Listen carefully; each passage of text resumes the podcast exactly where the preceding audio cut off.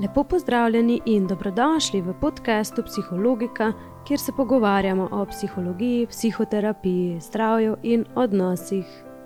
Z vami sem Neva Kumer in sem psihologinja in psihoterapeutka.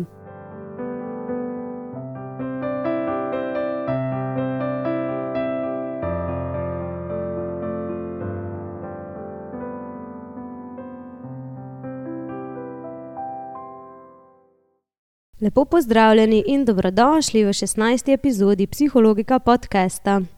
Danes je z mano Aleksandra Meško, ki je klinična psihologinja. In bi za začetek te Sandra kar prosila, da bi morda se najprej Mičken predstavila in povedala, kaj počneš, zato da poslušalci dobijo malo tisa, kdo si, potem pa bova še povedala, kaj več o tem, o čemer bova danes govorila. Uh, ja, Neva, tako kot si rekla, uh, sem uh, klinična psihologinja in to že po moje blizu kakšnih 30 let. Wow. Recimo, uh -huh. zdaj le, pravkar sem bila stara 55 in po, po moje to že kar 30 let, ker se ukvarjam z psihologijo. Sicer pa delam v Centru za psihološko svetovanje persona uh, in tle uh, skupaj s sodelovkami delamo individualne psihološke obravnave, psihološko svetovanje, psihoterapijo za raznolike čustvene težave, čustvene in vedenske težave, za razne variacije stresnih motanj. In hkrati ob tem uh, vodim tudi razna izobraževanja, naprimer izobraževanje iz transakcijske analize, izobraževanja iz novejših pristopov kognitivno-vedenske terapije, in kakšne mogoče posamezne delavnice iz kakšnih vej sistemske terapije. Tako da je moja, glavnina mojega dela svetovalno, individualno, skupine in pari, in pa seveda vodenje raznih izobraževalnih skupin. Uh mhm. -huh. Ja, poslušalci, sem tukaj, da veste, tudi jaz sem bila deležna sandrenih izobraževanj, um, uh, kjer je bila v bistvu učiteljica in supervizorka na transakcijski analizi, tako da se že poznava nekaj let. Um, tako da, ja, to je glede Sandringa dela. Hvala, ker si malo opisala.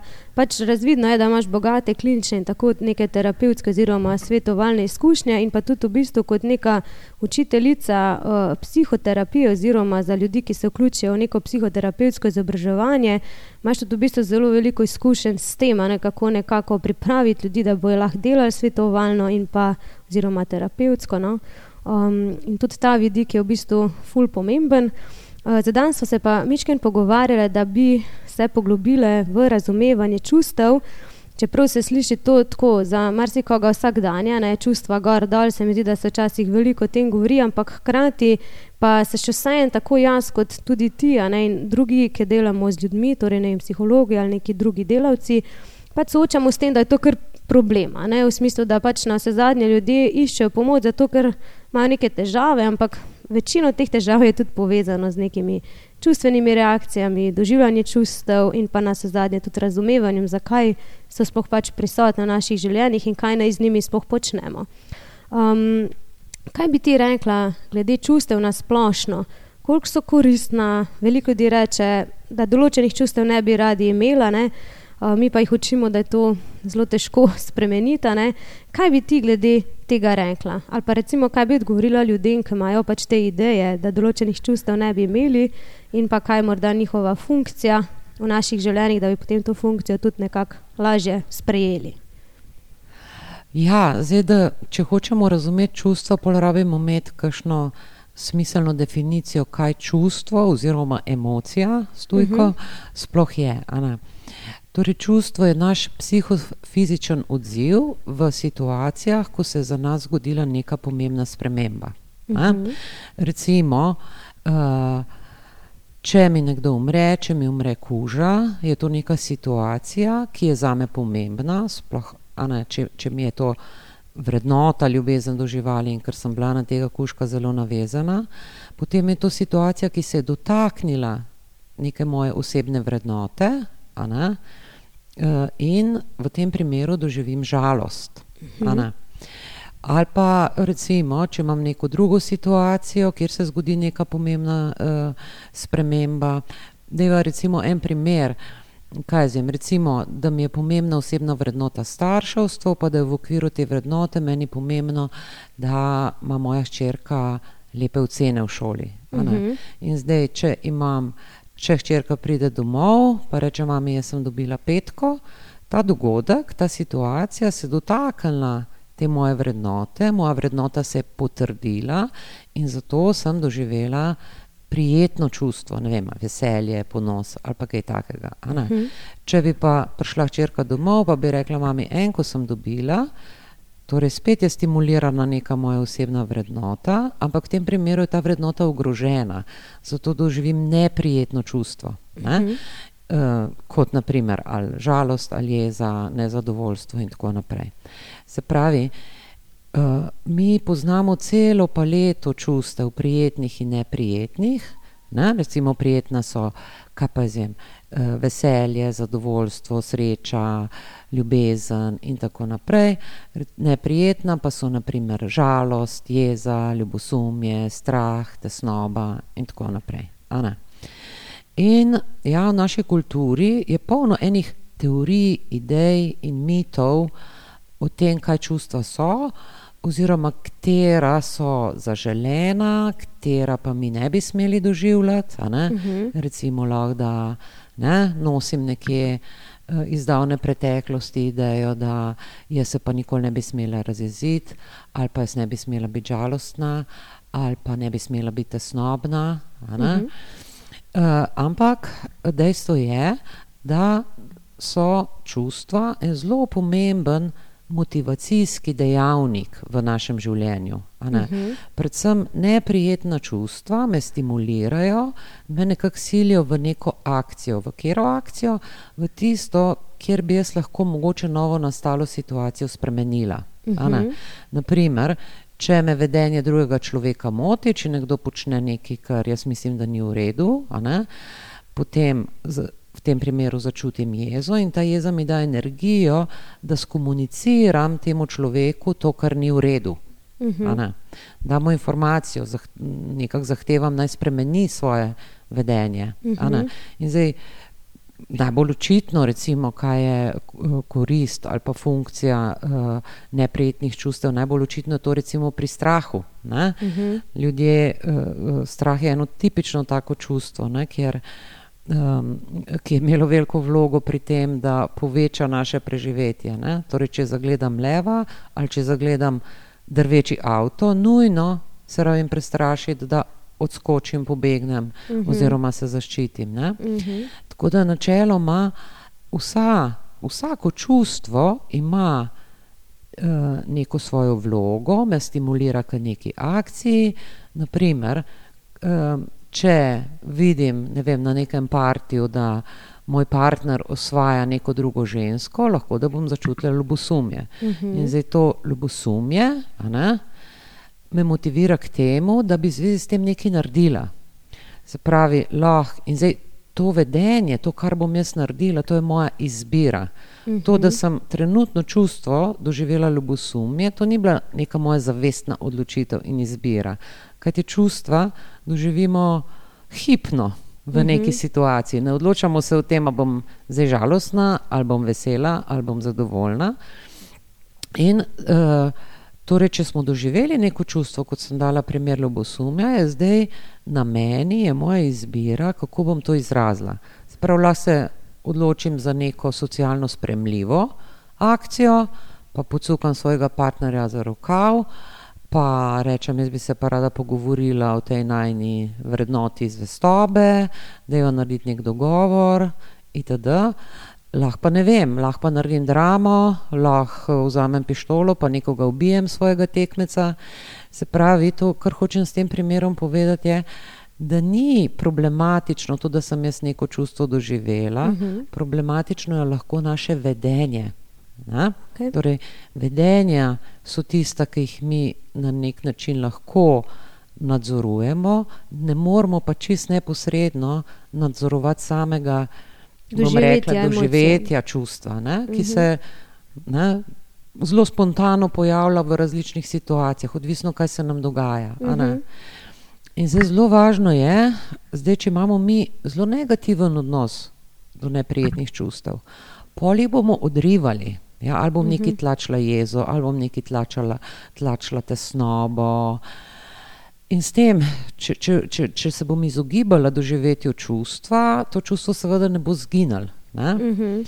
In uh, bom to čutila v telesu, zato ker vsako čustvo ima svojo fiziološko podlago. Recimo, sploh recimo pri strahu, jezi, takrat se aktivira naš simpatični živčni sistem, ki nas nabije z energijo. In zdaj, če, če mi to odrivamo, tlačimo, uh, probamo se nekega čustva znebiti, zato ker mislimo, da je neko čustvo neprimerno ali pa škodljivo, potem se nam bo ponavadi, potem se nam lahko zgodi, da dobimo en bumerang, da, da to čustvo, ki ga hočemo eh, se znebiti, se v bistvu sam še intenzivira ali pa sam še dlje časa traja. Jaz znam včasih tu primer, recimo, ko držimo žogo nad vodno gladino, pa jo tako čist malo recimo dol potisnemo in če roko spustimo, ta žoga nekako ven vznikne. a ne. Ja, In isto ja. tako, če bomo malo potlačili neko čustvo, pač bo nekje ven prišlo, a ne skozi ja. To gladino. Če pa se mi fejs trudimo ali pa dolgotrajno, naprimer, da bi to žogo res močno v vodo potisnili, a ne vprašam pa, kaj se zgodi, ker roko spustimo, ker pač ja. Ja. pridejo neke situacije, ki žal ne bomo mogli te neke strategije uporabljati, ali pa bojo tudi tako težke situacije in bo v bistvu ta žoga zelo visoko ven prišla. In je to Seveda. nekako tak simboličen ja. primer ne, tega, ja. da v resnici. ja. Mogoče nekje trenutno na kratek rok to pomaga, neka ta razbremenitev napetosti, ampak na dolgi rok se vrača kot bumerang, kot si rekla. Ja. Ker mi tudi moramo vedeti, ne, da, da čustvo se bo pojavljalo in se bo ponavljalo, ali pa bo trajalo, dokler neka problemska situacija ni razrešena. a ne. Recimo, kaj pa jaz vem, če hodim v službo in imam zelo zahtevnega šefa, ki mi vsako jutro da ne vem, 20 nalog, jaz pa vem, da jih zmorem samo 10, lahko da se ne, uh, mi bo začelo dogajati, da ko bom šla v službo ali pa že dan prej, da bom ali čutila jezo ali tesnobo in tako naprej. Ne. Ampak dokler ostaja ta situacija nespremenjena, ne, torej moj šef mi daje tok in tok nalog, jaz lahko pričakujem, da se bo tesnoba ali pa razdražljivost ali pa jeza v zvezi z tem pač ponavljala. Kajti to neprijetno čustvo me stimulira, ne vendar nekaj naredim v zvezi s to situacijo. ne.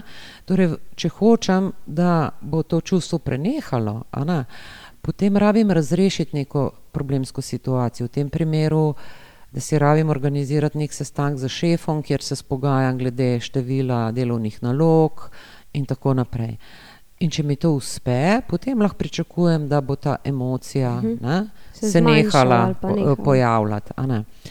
Dejstvo pa je, da niso vse situacije v našem življenju rešljive. Hm, To sem te lih mislila vprašati, ne? ker ljudje Ja. doskrat vprašajo, kako pa ne zdaj to spremenimo, ne? ker imamo neke izhode, v smislu gremo v akcijo reši, včasih je pa to ni v bistvu izhod, ali ker bi bil dostopen, ali pa ker nasplošno ni izvedljiv in pa Ja, imamo, ja. kaj je ta opcija, ki nam še ostane. Ja, ja, ker pri vsakem problemu je načeloma dobro, da se vprašamo, koliko imam jaz tukaj, koliko je tle mojega vpliva. Ne? Zato, ker mi se doskrat zaletavamo v kakšne situacije, kjer je moj vpliv, oziroma kjer sprememba sploh ni možna. ne. In tam veliko, bom rekla, trošimo energije. Pri problemih, ki jih ne moremo spremeniti, nam ne ostane drugega, kot da začnemo to novo nastalo situacijo sprejemati. Ja? Kako pa to naredimo? Eh, To je najpogostejše vprašanje. Ja. Se mi zdi tako. No? Spre, ja. Če dava sam še primer. Uh Mhm. -huh. Mi, uh, kaj z tem, tisti tis primer, ki smo prej imeli s tistim šefom, a ne, uh -huh. dobro, če se s šefom ne da spogajati, v končni fazi še vedno lahko iščem neko novo službo, torej uh -huh. nadaljujem nek problem solving. Če pa imam recimo situacijo, kaj z tem, nekdo mi je umrl ali pa dobila sem diagnozo neke resne bolezni. Ali pa uh, uh, uh, zgodil se je razhod v partnerski zvezi, ki ni preklican, ja? uh -huh.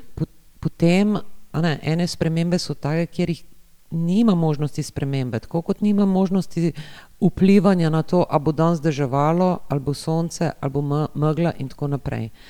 In če dava za primer dež, ne, imam dve varianti. Se pravi, hotla sem na izlet in danes dežuje. In zdaj jaz lahko do nezavesti, bom rekla, uh, premlevam, kako je to grozno, kako mi je ta dež uničil dan, itd., itd., itd. V takem primeru bo, bo neprijetnost in neka, neka moja čustvena stiska ali pa trpljenje ob tem močna. Prej lahko vzamem, ok, vzamem v zakup, v redu, včasih dežuje, včasih se te stvari dogajajo, na to nimam vpliva. In kaj bi jaz zdaj počela, danes, ker pač dežuje, mogoče so kakšne druge možnosti. Kar se tiče sprejemanja situacij, ki jih mi ne moremo spremeniti, um, to je proces. In zdaj, bolj ko je bila situacija uh, pomembna za me, bolj ko se je dotaknila neke moje vrednote, um, dlje časa bo ta proces sprejemanja trajal. In v tem procesu, recimo, če, če, če si zamislimo, ne vem, umrl mi je kuža, pa recimo, da so bili, ne, mi je bil zelo pomemben, zelo so bila navezana. Torej, to sprejemanje bo teklo skozi mesece in v tem procesu pre, sprejemanja na novo realnost, da nekoga, ki sem ga imela rada, ni več tukaj, uh mhm. -huh. v tem procesu sprejemanja lahko pričakujem veliko neprijetnih čustev. -huh. ne, mogoče od začetnega nekega zanikanja ali uh, do močne žalosti, ki bo prihajala v valovih, uh, do nekega močnega občutka pogrešanja in tako naprej.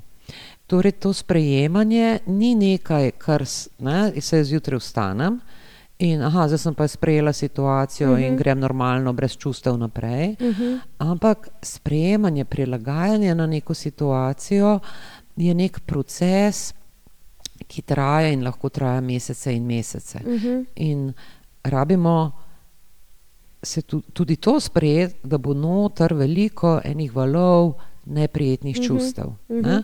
Takrat nam je v takih procesih sprejemanja, ko vidimo, da situacije ne moremo spremeniti, nam lahko pomaga, da uh, se povprašamo, da malo, bom rekla, si razjasnimo, katere so še moje druge življenjske osebne vrednote, na katere se lahko zdaj naslonim. Uh -huh, uh -huh. Lada je ne, ena od mojih vrednot.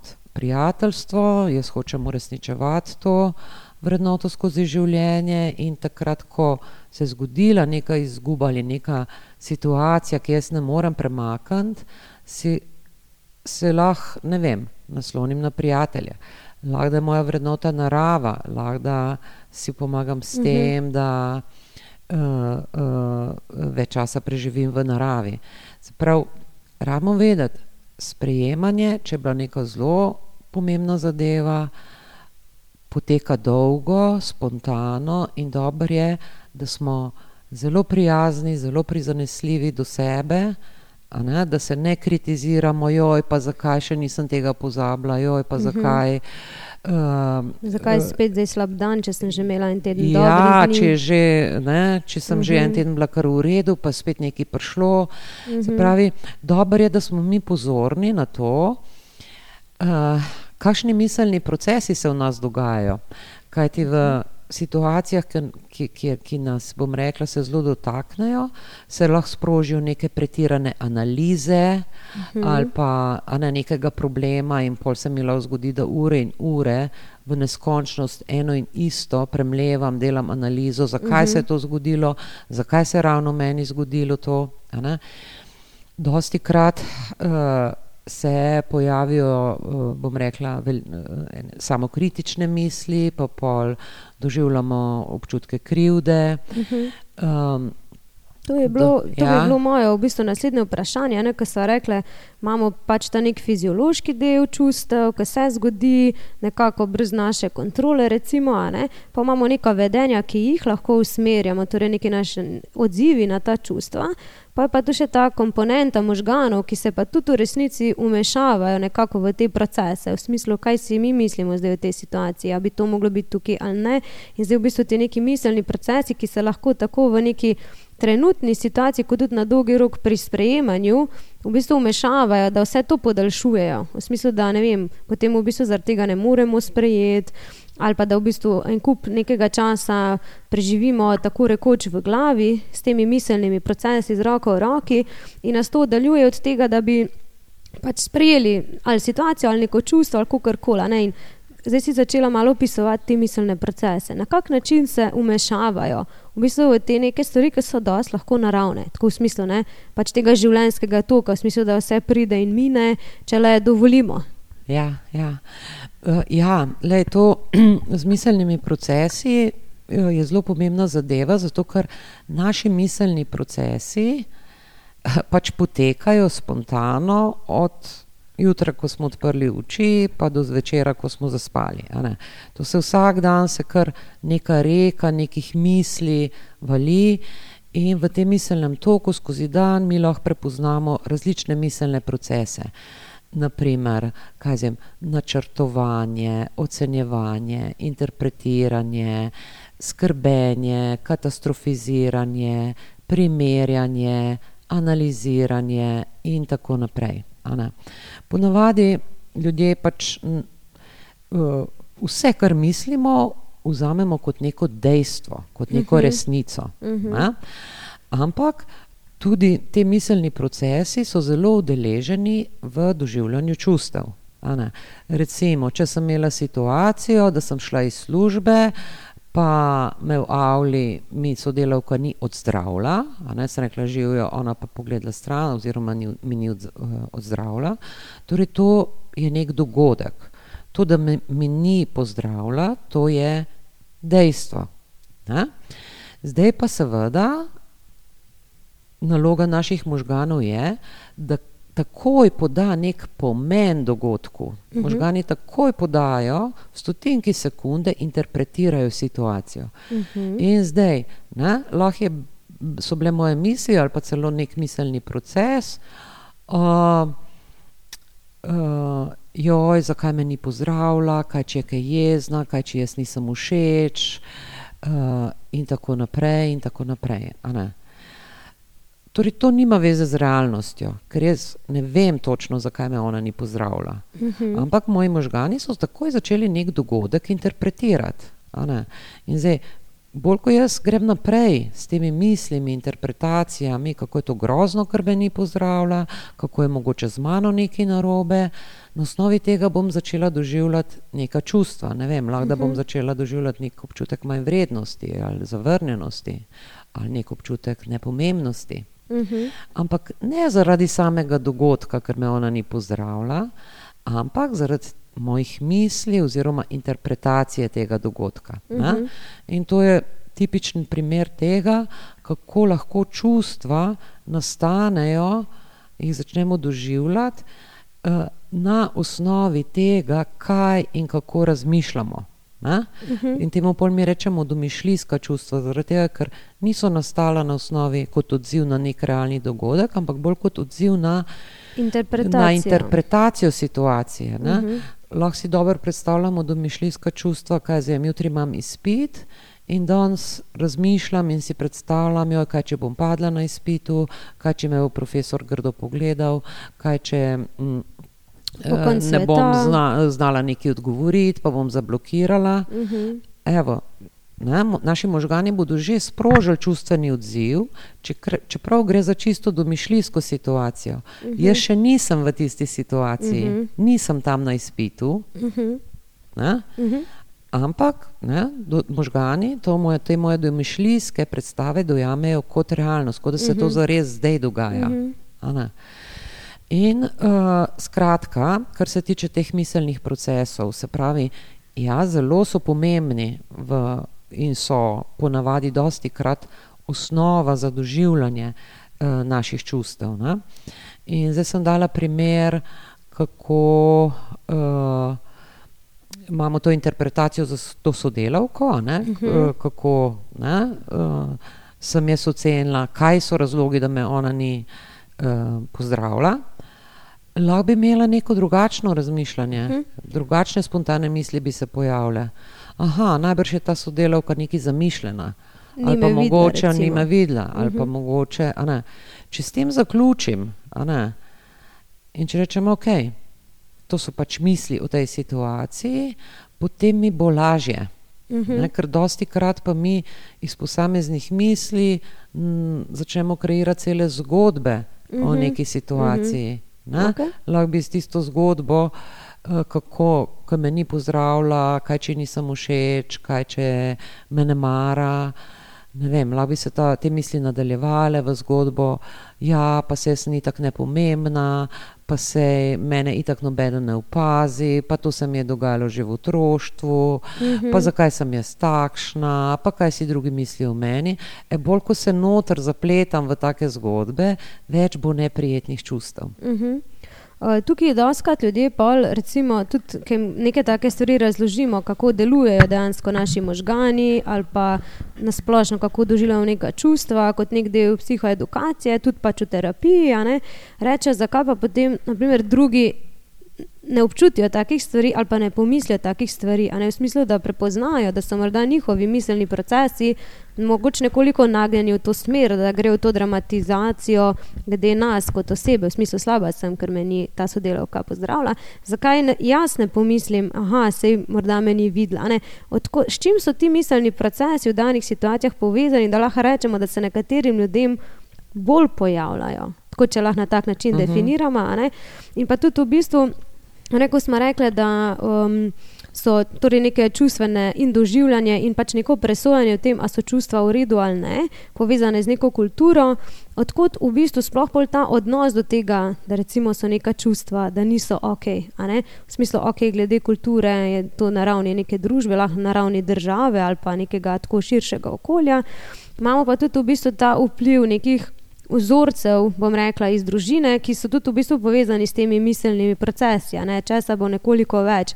Čeprav seveda to ni čisto determinirano, ker se lahko učimo od tega distancirati pa spreminjati, ampak ja, ponavadi ljudje vprašajo, zakaj pa imam jaz tega več, nekdo drug pa ne razmišlja tako, zakaj si ne vem osebno jemljem stvari, zakaj vedno pomislim na najslabše, zakaj ne vem, sem si to zdaj interpretiral kot tako katastrofo, sodelavcev pa vsaj en, če ga pač nekdo ni pozdravil. Ne, ljudje se mi zdi, da si želijo, da bi bili ne prepoznajo, da v bistvu to nek proces, ki je pri njih bolj značilen in da jim otežuje v bistvu življenje. Zaradi tega, ker priključajo več domišljijskih neprijetnih čustev. A ne, ker če bi bila prijetna, pol se ne bi tako bunili. Ne, ne, tisti tist nam je Tisti čisto super. Ja. Okay, lej, to, kaj bom jaz v neki situaciji, kaj bo meni najprej prišlo na misel, uh, to, to je odvisno od številnih dejavnikov. Ampak, naprimer, če dava ta primer, kot smo prej imeli, ne, ko je neka oseba, ob tem, ko je sodelavka ni pozdravila, takoj pomislila, jo, kaj če je z mano nekaj narobe, kaj če sem jaz nekaj naredila, kaj če jaz nisem všeč. Uh, zelo pogosti dejavniki, razlogi za to tičijo v naši preteklosti. Lahko da sem jaz kot otrok imela veliko takih izkušenj odnosnih, kjer sem se počutila zanemarjeno, kjer sem se počutila zavrnjeno, ali pa da sem imela uh, veliko takih izkušenj, kjer nekako nisem razvijala nekih nisem dobivala strani drugih ljudi enih uh, pozitivnih feedbackov v smislu sprejemanja in tako naprej. Se pravi, te, šte, te dejavniki, torej ne moramo vedeti točno kateri, včasih jih ugotovimo, včasih jih je veliko. Mhm. Ne? Recimo, če bi imele uh, uh, situacijo, dve ženske v isti situaciji, rec, uh, ženska sama zvečer doma, uh, in zaropota okno v hiši. In ženska takoj, ko zaropota okno, pomisli, joj, kaj če je kakšen ropar, kaj če je kakšen seksualni manjak. Mhm. Ne? Druga ženska v istem dogodku bo pa pomislila, ah, najbrž je prepih. Mhm. In zdaj vprašanje, zakaj je una tako pomislila, ta, ta prva pa drugača. Ne? ne vem, mogoče ta, ta prva imela v preteklosti že ene izkušnje, Uh, da, ali da je bila oropana, ali da se je zgodilo neko nasilje, in tako naprej. Uh Mhm, -huh, uh -huh. Torej, mi včasih lahko ugotovimo, zakaj smo bolj nagnjeni k nekim tipom interpretacij, včasih pa ne moramo. Ne? Uh -huh. Uh, ker, ker je veliko dejavnikov in ta misel, ta interpretacija, ki jo pripišemo dogodku, se zgodi v stotinki sekunde. In je lahko zelo tako trenutno vezana na neki, nima v bistvu veze morda z nekimi stvarmi, ampak je pač. Ja tisti ja. trenutek, ne? ker tukaj danes ljudi pa misli, da je to fulusodno. Veš, joj, na to sem pomislil, to je grozno. Ja. V resnici pa pač včasih res bojo tudi misli neke take čudne ali pa ne vem, povezane ja. z ne vem ja. čim, kar nismo pričakovali. In bomo mogli to pustiti primir. Mislim, to zavedanje, da v bistvu to ni zdaj usodno, da tudi če sem doživel zdaj neki ob teh mislih, ki so takšne, ne, ne vem, ja. seksualni manjak ali pa kakšne druge misli da pač ni zdaj konc sveta, da lahko tudi to v bistvu nek feedback na to damo. A ne v smislu, da lahko ta miselni proces, ne umlih rekla, zamenjamo, kot kar neki. Pa ga opazimo. Tako, ja, ja. da ga opazimo. Ja. Super. Okay. Uh, Noč hudega, ker moramo vedeti, da katastrofizacije. Ne, to, ker ljudje si doskrat učitajo, pa zakaj jaz v neki nejasni ali pa nevarni situaciji najprej pomislim na najslabši možni izhod. To je tako, kot če bi, ne vem, se mi nekje v telesu pojavila neka bulica in ja, valjda, prva misel bo, kaj če imam raka. Uh mhm. -huh. e, to, samo, to, to je popolnoma normalno. Ja? In nima veze, če imajo eni ljudje malo več katastrofizacij, uh mhm. -huh. drugih manj. Uh mhm. -huh. Ampak človeški možgani so tako narejeni, da imajo tendenco k negativnemu mišljenju in katastrofiziranju. To pa je enostavno zato, ker tekom naše evolucije sem bila bolj previdna, če sem imela več negativnega mišljenja ali pa mhm. več katastrofizacij. Mhm. Narave ne zanima kvaliteta življenja, naravo zanima preživetje. preživetje ja? Mhm. Tako da so naši možgani nagnjeni k temu ne? in se ne rabimo pol samo kritizirati, tudi ne rabimo se kar naprej sil za nekim pozitivnim mišljenjem. Ja? Lahko mi skozi določene vaje uravnotežimo negativno in pozitivno, ampak ni treba, da jaz pričakujem, da bom jaz skozi uh, pozitivno razmišljala. Uh mhm. -huh. Sploh situacije, ki so nevarne uh, ali pa nejasne, takrat mi lahko pričakujemo, da bomo najslabšo varianto pomislili. In ravno zaradi tega je dobro, da ne, recimo v toku neke psihološke obravnave, psihoterapije spoznavamo te miselne procese, ki se kar naprej odvijajo -huh. v nas, ne, in da se celo učimo uh, mečken, ne, jih pogledati od zunaj, zato da si ne zamerimo, kaj jaz katastrofiziram. Uh -huh. Nač hudega se bomo naučili opaziti katastrofizacijo in lahko se naučimo, v katerih primerih v zvezi s tem ukrepati, v katerih primerih pa enostavno pustiti, uh mhm. -huh. da ta misel, ta grozna, kaj če ne, uh mhm. -huh. bo danes, uh -huh. ne vem, moj mož umrl v prometni nesreči, da enostavno to misel pustimo, uh -huh. jo opazimo, pač pojavlja se taka misel. Ne? In tekom dneva imamo tisoče in tisoče prijetnih, neprijetnih misli, tisoče in tisoče uh, neutralnih misli.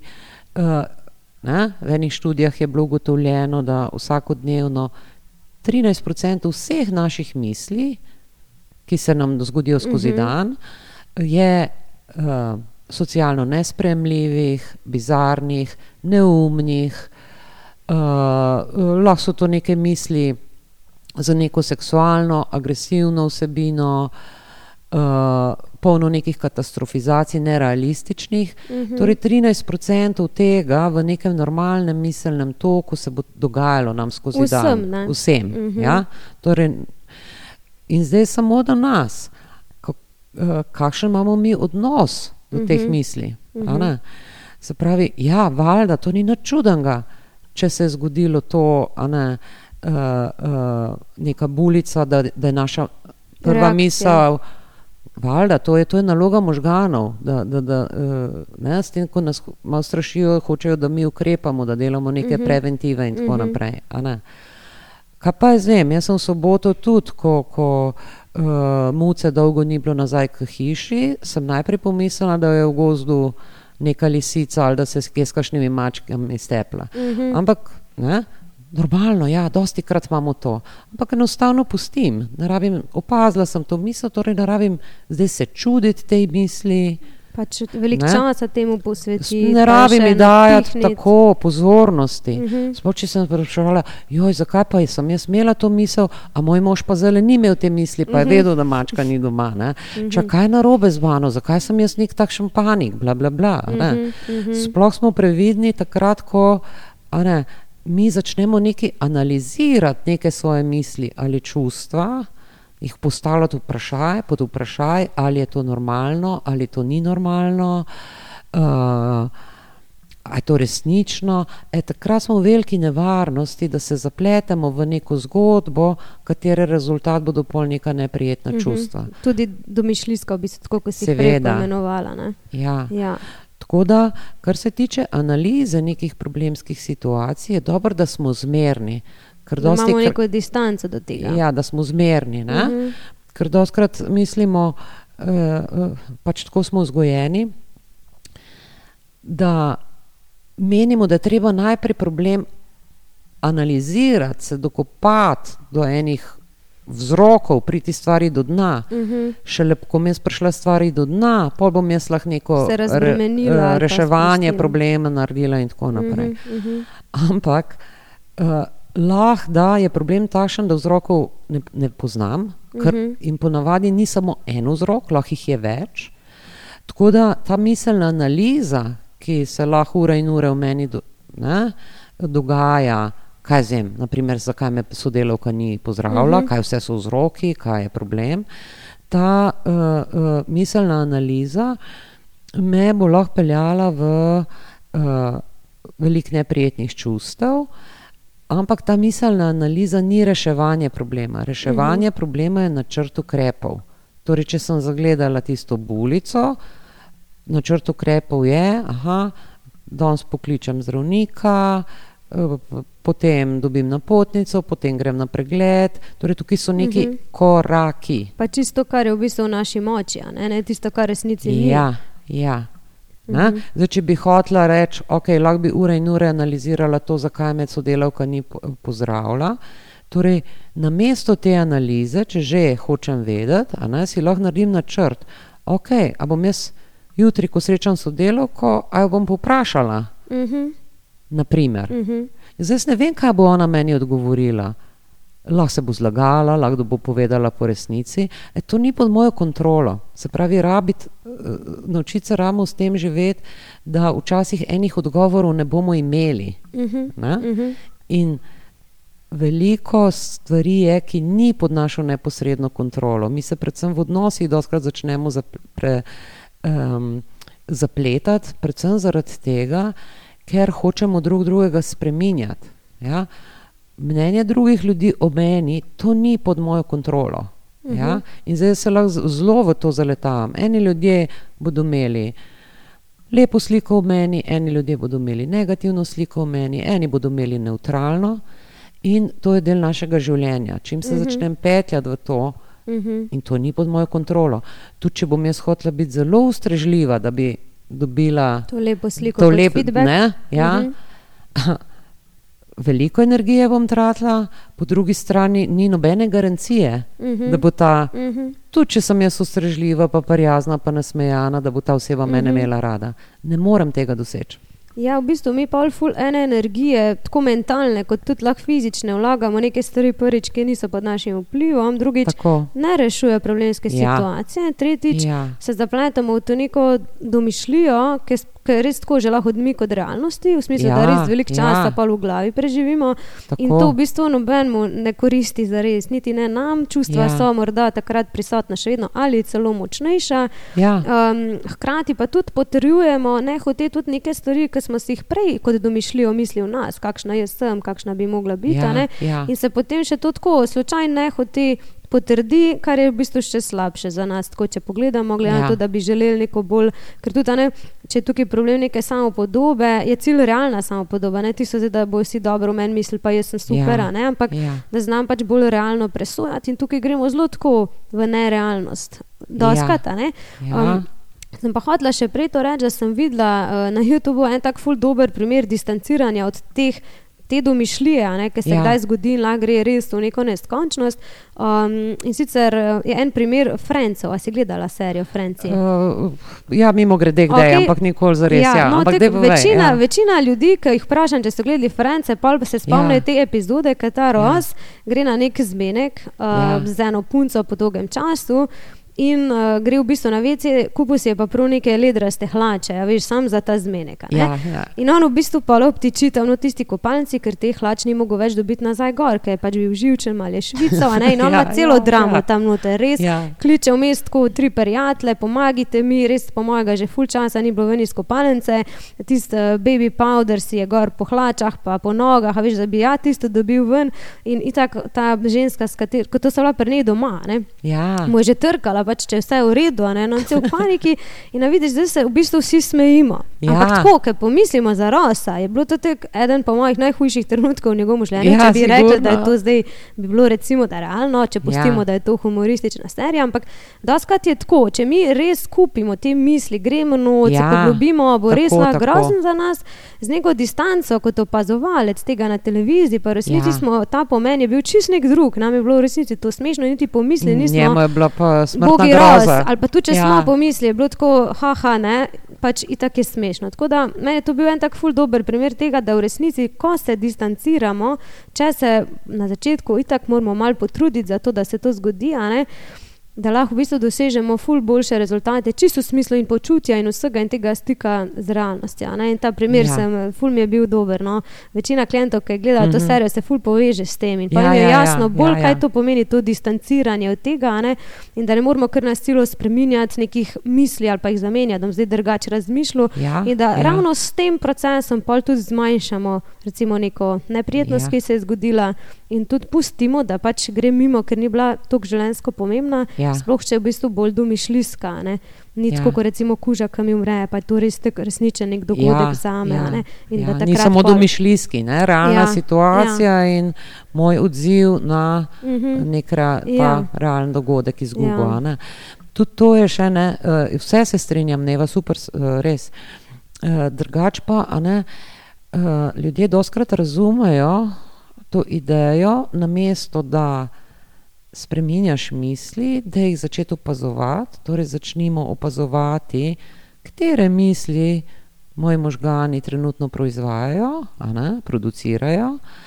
E, do, e, seveda to e, lažje reči kot narediti. Ne. E, To distanciranje, to, da mi začnemo svoje misli manj resno imati, pa da se začnemo odločati, v zvezi s kateri bomo sploh ukrepali, kjer pa bomo spuščali, e, to, je, to je veščina, ki se učimo. ne. Tako da zdaj, če sem jaz zvedla, kaj je nek princip, še ne pomeni, še nimam orodja, še nimam uh, uh, neke ideje, kako bi to sploh delala. ne. Mhm, mhm. Zato se to recimo, sploh v kognitivno-vedenski terapiji, se to dela skozi določene vaje in je to Neke neke, tehnike. vrste uh, miselna metoda trening Mhm. ne, naše pozornosti. Mhm. Tako da, a ne, da se ne bi uh, ljudje sikirali, ja, kaj sem zares vzel na mesto, da bi opazoval.